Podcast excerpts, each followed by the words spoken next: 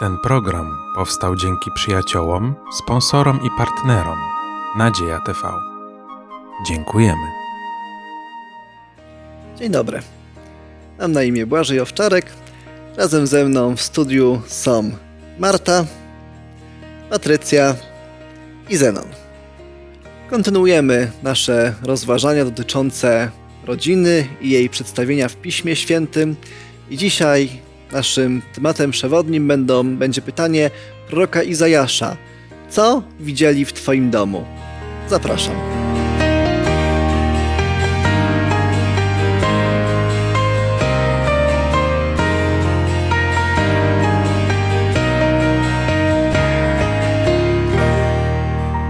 Rozważanie Pisma Świętego zaczniemy od wspólnej modlitwy o Boże prowadzenie. Zapraszam do modlitwy razem z Patrycją.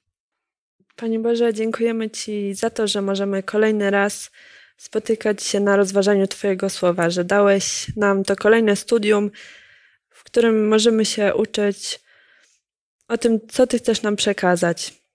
Dlatego chcę Cię teraz prosić, żebyś był tutaj z nami obecny swoim Duchem Świętym, żebyś nas prowadził, dawał swoje myśli, żebyśmy mogli poruszać te najważniejsze tematy, które powinny być poruszane w czasie tego spotkania. Dziękujemy Ci za wszystko, co nam dajesz i prosimy o to, żebyś był wśród nas obecny.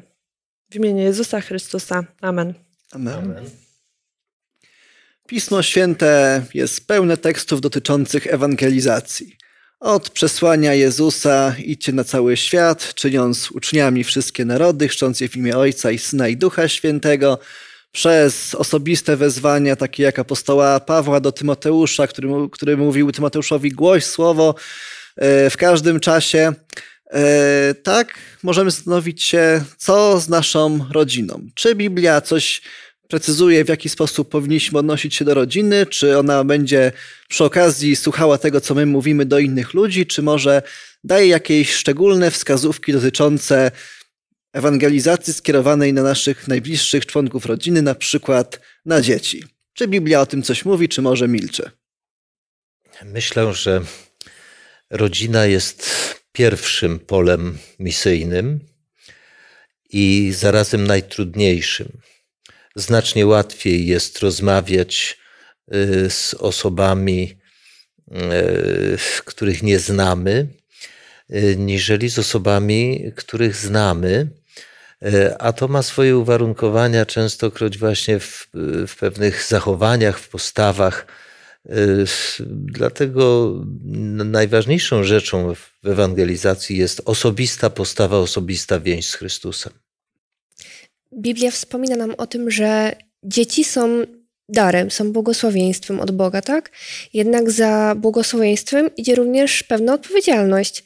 Jeśli są to członkowie naszych rodzin, są to osoby nam bliskie, to po pierwsze, poniekąd na nas też spada odpowiedzialność za to, żeby prowadzić je w, w określonym kierunku. Jeśli to są dzieci, nie są odpowiednio jeszcze przygotowane do tego, żeby żyć jako dorosłe jednostki w tym świecie, y, a druga sprawa mm, są, są, to, są to dzieci, tak? Y, owoc łona, który Bóg nam daje, byśmy wychowali je w dobrym duchu. Przekazali im odpowiednie wartości, tak jak widzimy na kartach Pisma Świętego w rodzinach patriarchów, którzy prowadzili całe swoje rodziny w sposób, w jaki Bóg nakazał. Pan Bóg dał takie szczególne przykazanie narodowi izraelskiemu dotyczące właśnie wychowania dzieci. Otwórzmy Księgę Powtórzonego Prawa na rozdziale szóstym i proszę o przeczytanie wersetów szóstego i siódmego. Niechaj słowa te, które ja Ci dziś nakazuję, będą w Twoim sercu. Będziesz je wpajał w Twoich synów i będziesz o nich mówił, przybywając w swoim domu, idąc drogą, kładąc się i wstając. Dlaczego Pan Bóg zlecił takie, takie czynności względem dzieci. Co one dobrego mogły przynieść? Myślę, że e, to jest coś, co scala rodzinę, coś, co tworzy, że rodzina jest całością. E, rodzina powinna być właśnie tą kuźnią, w której stworzone są najlepsze warunki przez rodziców do tego, aby dzieci y, uczyć społeczności z Bogiem, ale to nie tylko poprzez udzielanie pewnych rad i wskazówek, bo to jest łatwo, ale przede wszystkim przez swój osobisty przykład, a za przykładem idą później rady. No i w tych tekstach, które czytaliśmy, były takie słowa, że będziesz je wpajał w Twoich synów, będziesz o nich mówił, będąc w domu, idąc drogą, kładąc się i wstając. Czy jest to dobra droga, takie przymuszanie dziecka, czy może jednak lepiej pewnych tematów w domu nie poruszać i pozostawić dziecku wolność wyboru? Te teksty wskazują na to, że najpierw powinniśmy te słowa mieć w sercu, a dopiero potem y, tekst mówi, że będziesz je wpajał w Twoich synów i będziesz o nich mówił, cokolwiek będziesz robił, tak? Więc y, sensem jest tego, tak moim zdaniem, że najpierw ja je powinnam mieć w moim sercu. Jeśli mam coś w sercu, to znaczy, że jest to mi na tyle bliskie, że ja chcę o tym mówić. I wydaje mi się, że ten tekst y, może tak tutaj, bo to jest poniekąd takie Boże przekazanie, tak, że będziesz je wpajał w Twoich synów, ale z drugiej strony ja bym to odczytała jako takie mm, spojrzenie na tą sytuację, że jeśli ja mam coś w sercu i dzielę się tym, co najlepsze z moimi dziećmi, które kocham, to jest to takie dzielenie się ku ich dobru, żeby mogły jak najwięcej wyciągnąć z tego, co ja mam im do, przekaza do przekazania dla siebie. Tak z własnego przykładu, um, ogólnie mówi się o tym, że małe dzieci um, no są tym, tą najlepszą gąbką, która chłonie najwięcej informacji, że w tych najmłodszych latach powinno się mówić, u, uczyć dzieci mówić e, różnymi językami, że wtedy mogą się najwięcej nauczyć. I tak samo jest z tymi naukami biblijnymi, bo na przykład na własnym przykładzie mogę powiedzieć, że jako małe dziecko e, Moja mama często śpiewała ze mną pieśni, uczyła mnie tekstów biblijnych, e, różnych historii. Ja się uczyłam czytać na Biblii, więc e, teraz często, jak potrzebuję sobie przypomnieć jakiś tekst, to ja często sobie przypominam właśnie to, czego się nauczyłam jako małe dziecko. I ja nie recytowałam jakichś wierszyków, które, których uczyłam się, mogłam się nauczyć w przedszkolu, bo nie, nie chodziłam do przedszkola, ale się uczyła właśnie te teksty i, i te historie, które były z Biblii. To są rzeczy, które o pierwszej w nocy ktoś nie może obudzić i, i potrafię powtórzyć te psalmy, których się nauczyłam jako małe dziecko.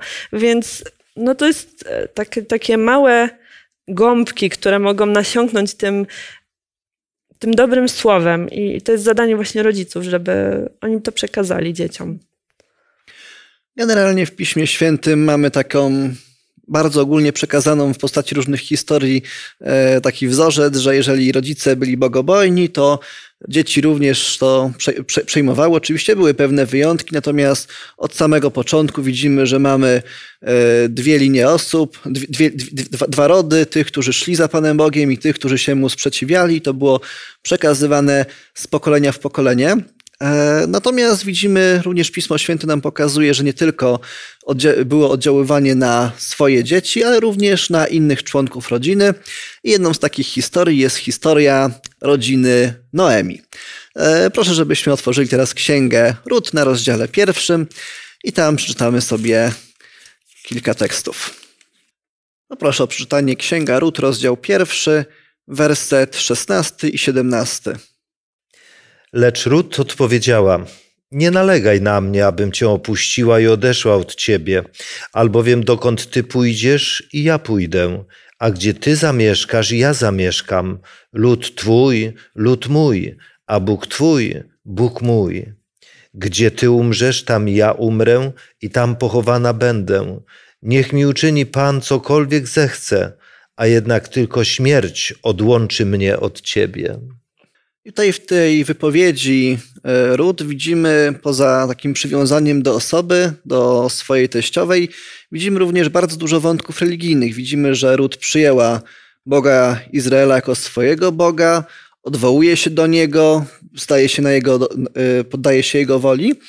Czyli możemy powiedzieć, że tutaj Rut została nawrócona, e, tak, przeżyła to nawrócenie i przyjęła wiarę w Boga Izraela. No i możemy się zastanawiać, dlaczego tak się stało. Co, co zobaczyła w domu Noemi, co, co się stało w jej życiu, że takie silne postanowienie, żeby mimo, mimo wszystko iść za Noemi dokądkolwiek pójdzie. Teksty, które przeczytaliśmy, są odpowiedzią Rut na możliwość, którą, którą dała Noemi zarówno Rut, jak i e, Orpie. I Rut odpowiada, że nie chce, nie chce odchodzić od Noemi, nie chce zostawić jej samej, ale chce kroczyć dalej jej drogą, razem z nią. E, za to Orpa widzimy, że odchodzi. Jednak gdy zerkniemy na teksty wcześniej i zobaczymy, że Noemi daje im możliwość, daje im możliwość odejścia. Jeśli zastanowimy się, w jaki sposób wyglądałoby ich życie w tamtych czasach, zarówno wdowy, jak i kobiety, które już mm, w ogóle nie były zamężne i nie miały żadnego na dobrą sprawę utrzymania za bardzo, tak? One nie miały, nie miały gdzie się podziać, nie miały co ze sobą zrobić. Ich życie było niepewne w przyszłości i Noemi nie chciała robić tego swoim synowym. E, chciała je odesłać, żeby miały jeszcze jakiekolwiek godne życie, dała im możliwość wyboru. Bardzo ciekawe jest to, że Ruth jednak mm, pomimo, pomimo dwukrotnej możliwości odejścia, bo najmniej dwukrotnie e, pozwala odejść, wręcz zachęca, zachęca ją, to Ruth jednak zostaje przy swoim zdaniu i chce zostać. Więc to musi świadczyć o tym, że to, co przeżyła w, w swoim życiu, w tej rodzinie, mocno na nią wpłynęło. Ona nie chce wracać do swojego starego życia. Co mogła przeżyć zatem Ruth w tej rodzinie, że nie chciała wrócić? Nie mamy tego bezpośrednio napisanego w Piśmie Świętym, ale może macie jakieś pomysły, dlaczego Ruth miała tak silne postanowienie, żeby zostać przy Noemi? Myślę, że e, decydującą o takiej postawie jest relacja. Relacja Y, która nie jest wymuszona, ale relacja, która wynika z miłości. Czyli mm, podkreślam to, co tu od początku przewija się, że pierwszym y, jakby argumentem na rzecz tego, co mówimy, jest własna postawa. Y, zarówno w stosunku do rodziców, czy to, co czytaliśmy z Piątej Księgi Mojżeszowej, to na co Marta zwróciła uwagę, że te słowa najpierw muszą być w moim sercu i wtedy, gdy o nich będę mówił komukolwiek, w tym przypadku najbliższej rodzinie, one będą miały inny, inny wpływ, inną wymowę, niżeli wtedy, kiedy one mówione są tak po prostu tylko z gardła. Czyli Noemi to, co, e, to, co później Ruth wyżywała, też musiała w swoim życiu pielęgnować. E, też ja sobie wyobrażam, że kiedy żenimy się z kobietą, to spędzamy z nią najwięcej czasu. Nie spędzamy tego czasu z kolei ze swoją teściową. Owszem, swoją e, teściową warto odwiedzać, warto utrzymywać z nią dobre kontakty, natomiast mimo wszystko żenimy się z naszą żoną. E, no i podobnie ci dwaj, ci dwaj synowie ożenili się właśnie Elimelech i Machlon ożenili się z dwiema, z dwiema kobietami, z Orpą i, i z Rut. I wydaje mi się, że to, to, to, to były te rodziny, to były te małżeństwa, te pary, E, I te dwie, te dwie kobiety przede wszystkim spędzały czas właśnie z tymi dwoma synami, które były również wychowane przez Noemi. Zatem widzimy, że ta praca, którą włożyła Noemi w wychowanie swoich synów, bardzo po, po, po, po, dłuższym czasie przyniosła dopiero, dopiero owoce, ale były to e, takie właśnie prace długoterminowe i po, dłuższym czasie widać było tego, e, tego owoce że oddziaływanie, jakie mamy na ludzi, jest oddziaływaniem, które, które, które ma swoje konkretny wymiar, tak? E, I te, I te wartości, które zaszczepiamy, które propagujemy, które pokazujemy w naszym życiu, nie, nie, nie, są, nie, są to, nie, nie jest to tylko na pokaz, nie jest to tylko, e, nie jest to bez sensu pokazywanie pewnych, pewnych zachowań, ale to może przynieść również plon. No dobrze, a czy Pismo Święte mówi coś na temat oddziaływania nie na dzieci, nie na, yy, nie na synową, yy, ale na współmałżonka. Chciałbym zacytować słowa z listu do Koryntian, z pierwszego listu z siódmego rozdziału. E, brzmią one tak. Pozostałym zaś mówię ja, nie Pan, jeśli jakiś brat ma żonę pogankę, a ta zgadza się na współżycie z nim, niech się z nią nie rozwodzi. I żona, która ma męża poganina, a ten zgadza się na współżycie z nią, niech się z nim nie rozwodzi, albowiem mąż poganin uświęcony jest przez żonę i żona poganka uświęcona jest przez wierzącego męża. Inaczej dzieci wasze byłyby nieczyste, a tak są święte. A jeśli poganin chce się rozwieść, niechże się rozwiedzie. W takich przypadkach brat czy siostra nie są niewolniczo związani, gdyż do pokoju powołał was Bóg. Słowa dość kontrowersyjne i osobiście uczestniczyłem w wielu rozmowach na ten temat. Przeczytałem sporo komentarzy y, dotyczących y, tych fragmentów. Myślę, że nie chodzi w tej chwili o jakąś teologiczną analizę e, tego fragmentu, ale kilka myśli, które powinniśmy e, praktycznie wy, e, wyciągnąć, zaczerpnąć dla siebie.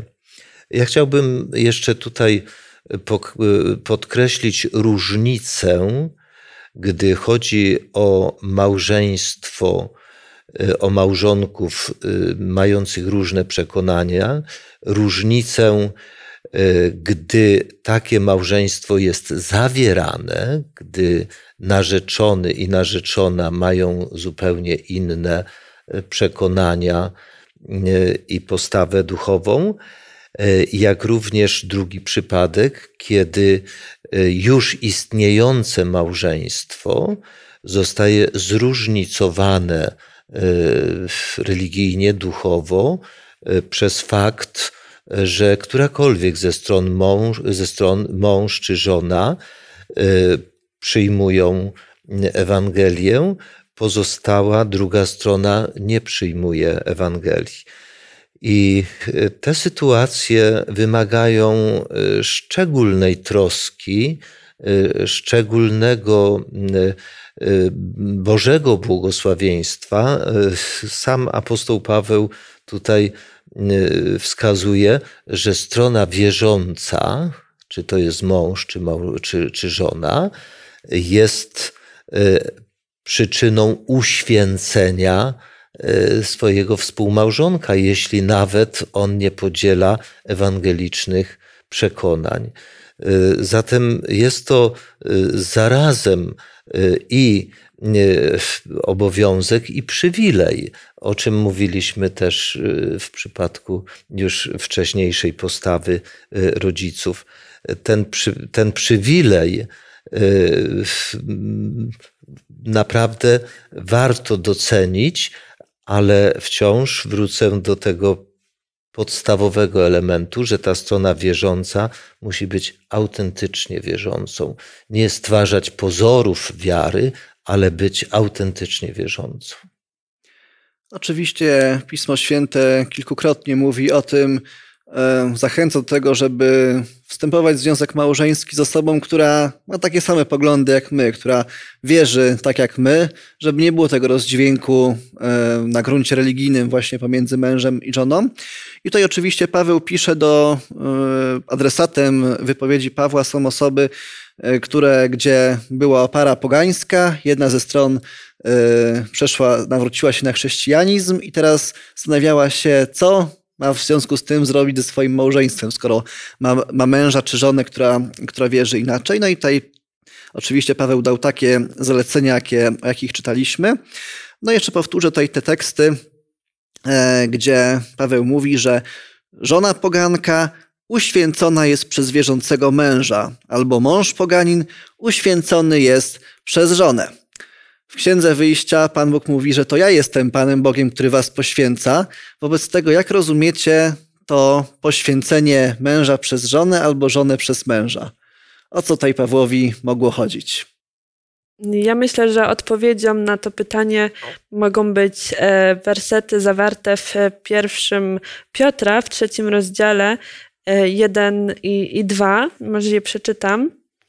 E, Podobnie wy, żony, bądźcie uległe mężom swoim, aby jeśli nawet niektórzy nie są posłuszni słowu, dzięki postępowaniu kobiet bez słowa zostali pozyskani, ujrzawszy wasze czyste, bogobojne życie. I tutaj mamy w tych tekstach powiedziane, e, że no poprzez te uczynki, które tak te żony czy, czy mężowie, którzy żyją w, w Bogu, e, dzięki tym uczynkom i temu e, ich postępowaniu, osoby, które może w tym akurat momencie nie są e, wierzące, jednak są uświęcone i w myśl tego powiedzenia, z kim przystajesz, takim się stajesz, e, może będą z tego jakieś efekty w późniejszym czasie i, i przyniesie to, to efekty w postaci pozyskania tej osoby dla Pana Boga. Tak, z kim poprzestajesz, takim się stajesz, a ponadto Bóg ma dodatkowy kanał dostępu do tej osoby. Dzięki osobie wierzącej w małżeństwie, czy to żona, czy to mąż, na,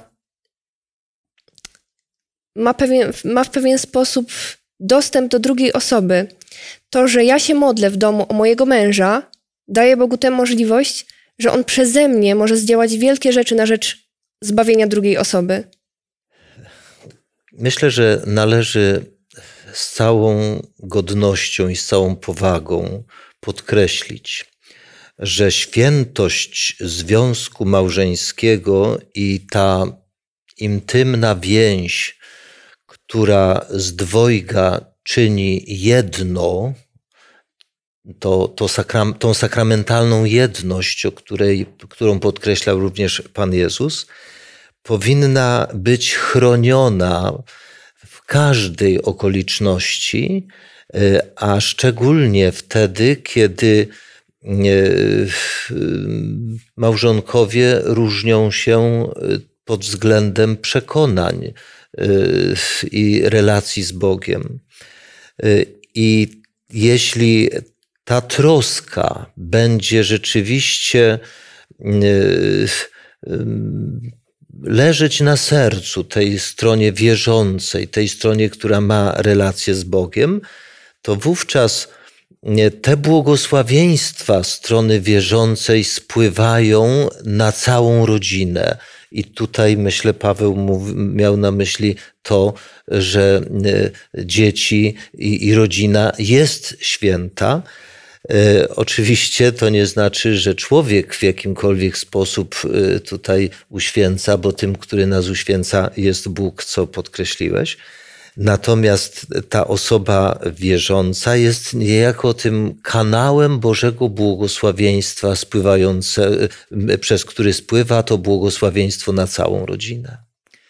Natomiast jeżeli macie, czy nasi widzowie mają żyją w wierzących rodzinach, to wydaje się, że skoro Pan Bóg przez taką wierzącą osobę w rodzinie może przekazywać swoje błogosławieństwa osobom, które opierają się działaniu Ducha Świętego, to tym bardziej e, osoby, które są otwarte na ten głos, będą, ten, e, będą te błogosławieństwa otrzymywały.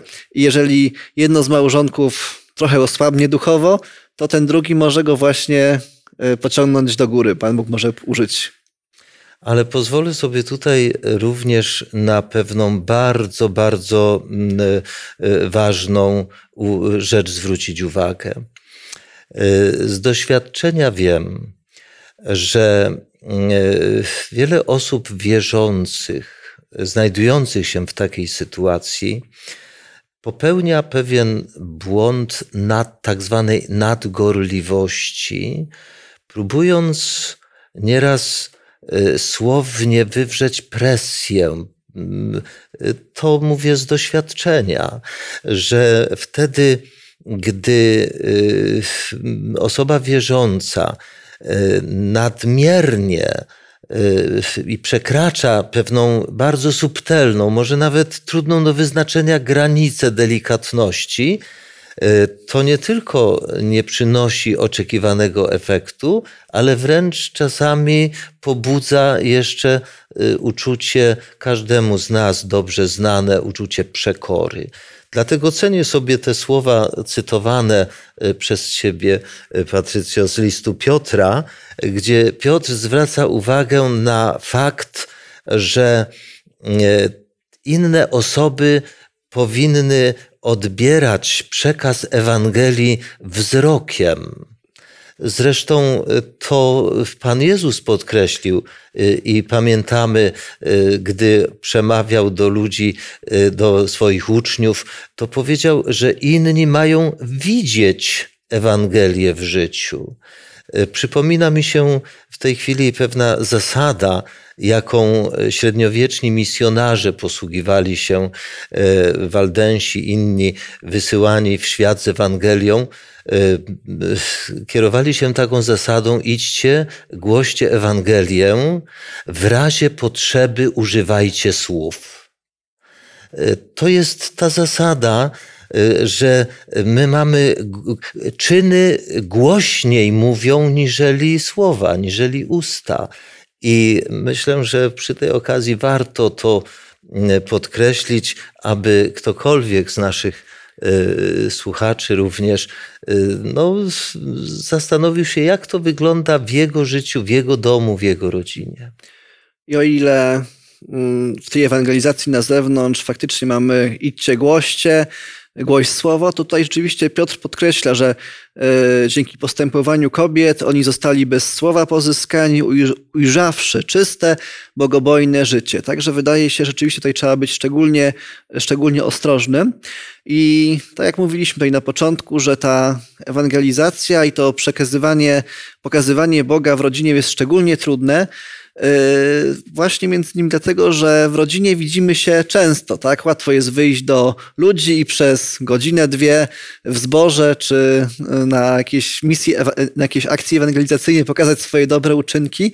Ciężej jest przez całe życie pokazywać właśnie w jaki sposób, jakich czynów Bóg dokonał e, w moim, w moim charakterze, w moim zachowaniu. Także z jednej strony jest to potężny środek ewangelizacji, z drugiej strony jest to bardzo, jest to na pewno, pewno e, trudne pole misyjne. E, ale oczywiście, jeżeli właśnie ci, którzy, ci, którzy są niewierzący w rodzinie, zobaczą właśnie w naszym domu tego ducha Chrystusowego, to możemy wierzyć, że to, co tutaj Piotr napisał, że ujrzawszy czyste, bogobojne życie, również zapragną tych samych błogosławieństw we własnym życiu. Także to też możemy traktować jako obietnicę. A co także, a co z ludźmi, którzy są poza rodziną? Czy rodzina czy Biblia pokazuje, że rodzina może w jakiś sposób oddziaływać jako właśnie ta, jako, jako, jako ta komórka społeczna na innych ludzi, właśnie jako, jak, jako mąż, żona, dzieci, jako rodzina, czy, mo, czy, czy może pewne działania podejmować y, dla innych ludzi? Ja myślę, że mamy w Biblii zawarte wiele wskazówek, w jaki sposób rodzina może działać, bo skoro jest to ta podstawowa komórka społeczna, mm, to jest to komórka społeczna, która żyje w społeczeństwie. Nie żyje sama w sobie, ale znajduje się w gronie nawet innych komórek społecznych. I tak jak mamy na przykład w Izajasza w 58 rozdziale w wersetach 6-7, ale tam też e, dalej cały rozdział jest na temat e, postu, na temat tego, w jaki sposób możemy e, działać dla innych. Mm, mamy wspomniane coś takiego jak nakarmienie głodnych, pamiętanie o ubogich, E, mamy też inne wersety, na przykład w Rzymian 12-13, mówiące o, o gościnności. I myślę, że połączenie tych e, dwóch e, aspektów tej gościnności i tego pomagania innym jako rodzina jest bardzo takie możliwe do wykonania. Ja na własnym przykładzie mogę powiedzieć, że się wychowałam na, na, takich, na takim działaniu, bo tak jakby wychowywałam się w domu starszego zboru i nasz dom był zawsze otwarty, zawsze mieliśmy gości, którym albo pomagaliśmy materialnie, albo jakimś słowem. Od dziecka się mogłam przyglądać e, właśnie takiemu działaniu. No i to wywiera taki fajny wpływ, że mm, chce się to kontynuować, a ci ludzie, którym się pomogło, teraz pomagają innym. I myślę, że to jest taki fajny rodzaj tej ewangelizacji, jak, jaką może prowadzić rodzina. Właśnie, otwarty dom. Tylko na kogo? Pytanie, czy każda gościnność to gościnność? Czy każde otworzenie domu na, yy, na osoby będzie równała się gościnie, tak? Tej, o której, tej prawdziwej gościnie, o której, do której nawołuje nas Pismo Święte, choćby w liście do Rzymian w 12, 13, w 12 rozdziale, 13 wersecie, tak? Wspierajcie świętych w potrzebach, okazujcie gościnność. Kiedy zwrócimy się do Ewangelii Mateusza, 25 rozdziału, mamy tu takie wersety jak choćby 40. A król odpowiadając powie im: Zaprawdę powiadam wam, cokolwiek uczyniliście jednemu z tych najmniejszych moich braci, mnie uczyniliście. I dalej czytamy też, czegokolwiek nie, nie uczyniliście, tak? Najmniejszych, najmniejszych z tych, to i mnie nie uczyniliście. Czyli Chrystus mówi, że mieliśmy coś uczynić tym najmniejszym, tym najmniej zauważalnym. Pytanie, czy każde otwarcie domu na ludzi będzie równało się tej gościnie biblijnej? Moim zdaniem nie. Niektóre z tego typu zachowań są dążeniem do zwyczajnej rozrywki, spraszaniem ludzi do domów y, po to, by dobrze spędzić z nimi czas, być może nawet sobotnie popołudnie. Jednak nie ma to nic wspólnego z prawdziwą gościną, kiedy rzeczywiście chcemy ugościć tych, których nikt nie zaprasza do domów. Chcemy się z nimi podzielić posiłkiem, dobrym słowem, Ewangelią. Jedną z takich e, osób, które udzieliły gościny, był król Hiskiarz, który przyjął posłów babilońskich, i to jest taka historia, o której wspomniałem na początku. Otwórzmy proszę Księgę Izajasza na 39 rozdziale. Czytam wersety z 39 rozdziału Księgi Izajasza, pierwsze cztery wersety. W owym czasie wysłał Merodach Baladan, syn Baladana, król babiloński, list i dary do Hiskiasza. Słyszał bowiem, że był chory, ale wyzdrowiał. I uradował się z tego Hiskiarz i pokazał im swój skarbiec, srebro i złoto i wonności i przednie olejki i cały swój arsenał i wszystko, co się znajdowało w jego skarbcach. Nie było rzeczy w jego pałacu i w całym jego państwie, której by im nie pokazał. Wtedy przyszedł prorok Izajasz do króla Hiskiasza i rzekł do niego, cóż powiedzieli ci mężowie i skąd przybyli do ciebie? Hiskiasz odpowiedział, z dalekiej ziemi przybyli do mnie, z Babilonii. I rzekł, co widzieli w twoim domu? Hiskiarz odpowiedział, widzieli wszystko, co jest w moim domu. Nie było rzeczy w moich skarbcach, której bym im nie pokazał.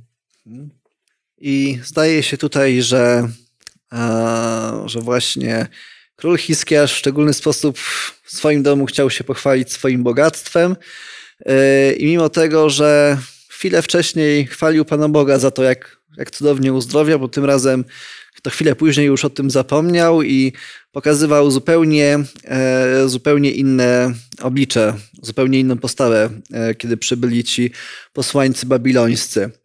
Czy możemy jakieś lekcje wyciągnąć dla naszej gościnności z tej smutnej historii? Czy może kiedy kto, ktoś przychodzi do nas, powinniśmy chować wszystkie drogie sprzęty, jakie mamy w domu e, i wyciągać Pismo Święte, rozstawiać po wszystkich stołach?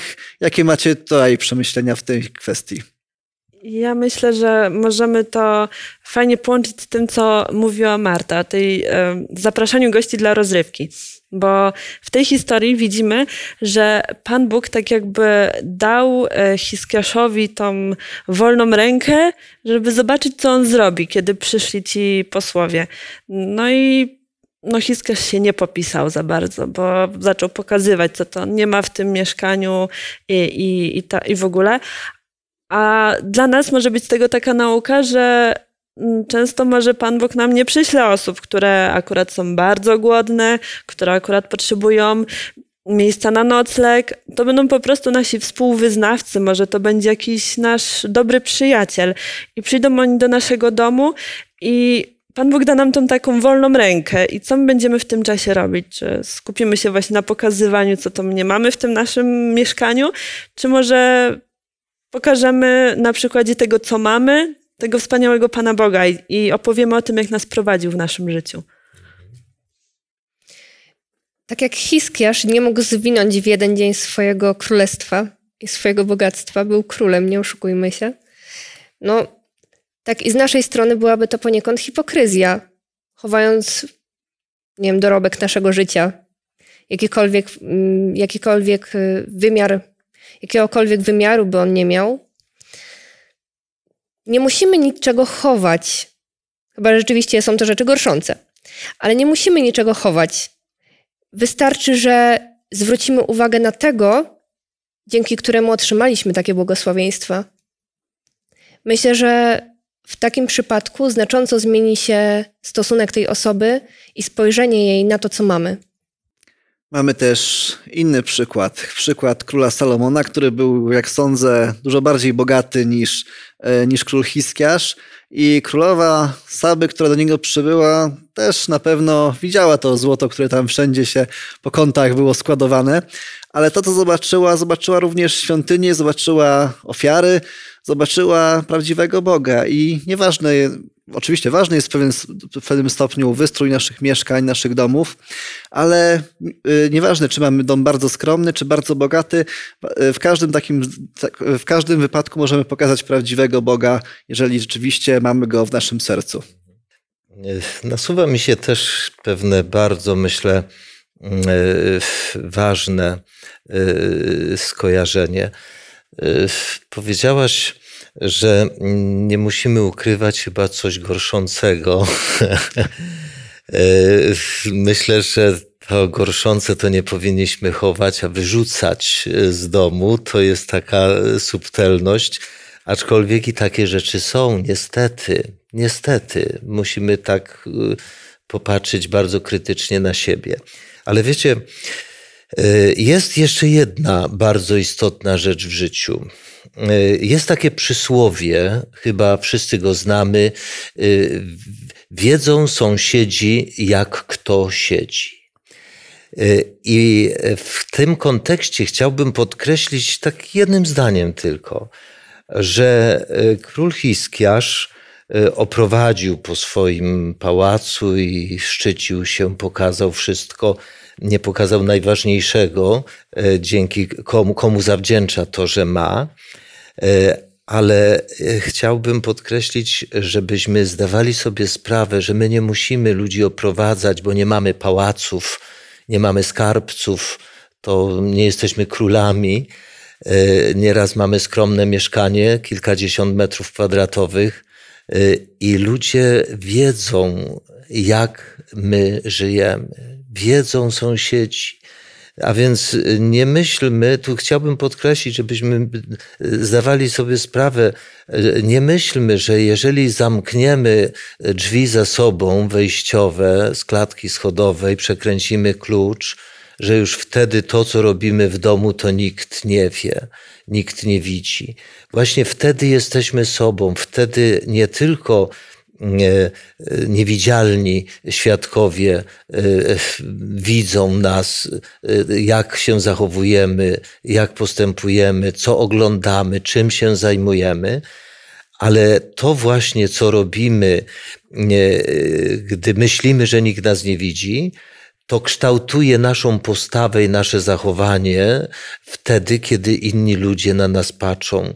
I dlatego, co oni widzą w naszym domu, co widzą w naszym życiu, bo to, czym się zajmujemy i jak meblujemy w cudzysłowie e, nasz dom, nasze życie, nasze serce, to ludzie na ogół będą widzieć. Teksty i myśli, które przytoczyliśmy, są w szczególny sposób adresowane do osoby, która oddała swoje życie Jezusowi. I Biblia chce nam Pan, Pan Bóg przez Biblię chce nam powiedzieć, że z naszego domu, z naszej rodziny możemy utworzyć pewnego rodzaju centrum ewangelizacyjne, przez które Pan Bóg będzie mógł wpływać na innych domowników, a także na nasze sąsiedztwo. Zapraszam Was, abyście zastanowili się, co ludzie widzą w waszym domu, jakie widzą wasze relacje z innymi, jakie widzą wasze postawy i abyście prosili Pana Boga o to, aby On sprawił w waszym życiu cud, aby tak jak te postacie, o których czytaliśmy, y, żebyście również doświadczyli tych błogosławieństw i ty mieli takie doświadczenia, że przez wasze życie Pan Bóg przemówi do innych osób, którzy go jeszcze nie poznali, a dla których będzie on bardzo ważny w przyszłości. Nasze studium zakończymy wspólną modlitwą z Martą. Panie nasz Boże i Ojcze, bardzo Ci dziękujemy za Twoją mądrość, którą przesyłasz nas, nam przez, przez swoje słowo. Boże, dziękujemy Ci za to, że Ty chcesz dać się nam poznać, że Ty uczysz nas, Boże, Twoich dróg każdego dnia.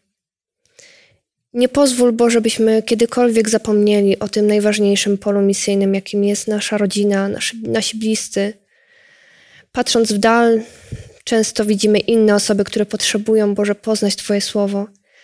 Ale da, daj nam, Panie, również taką, taki krótszy wzrok, byśmy widzieli tych dookoła nas.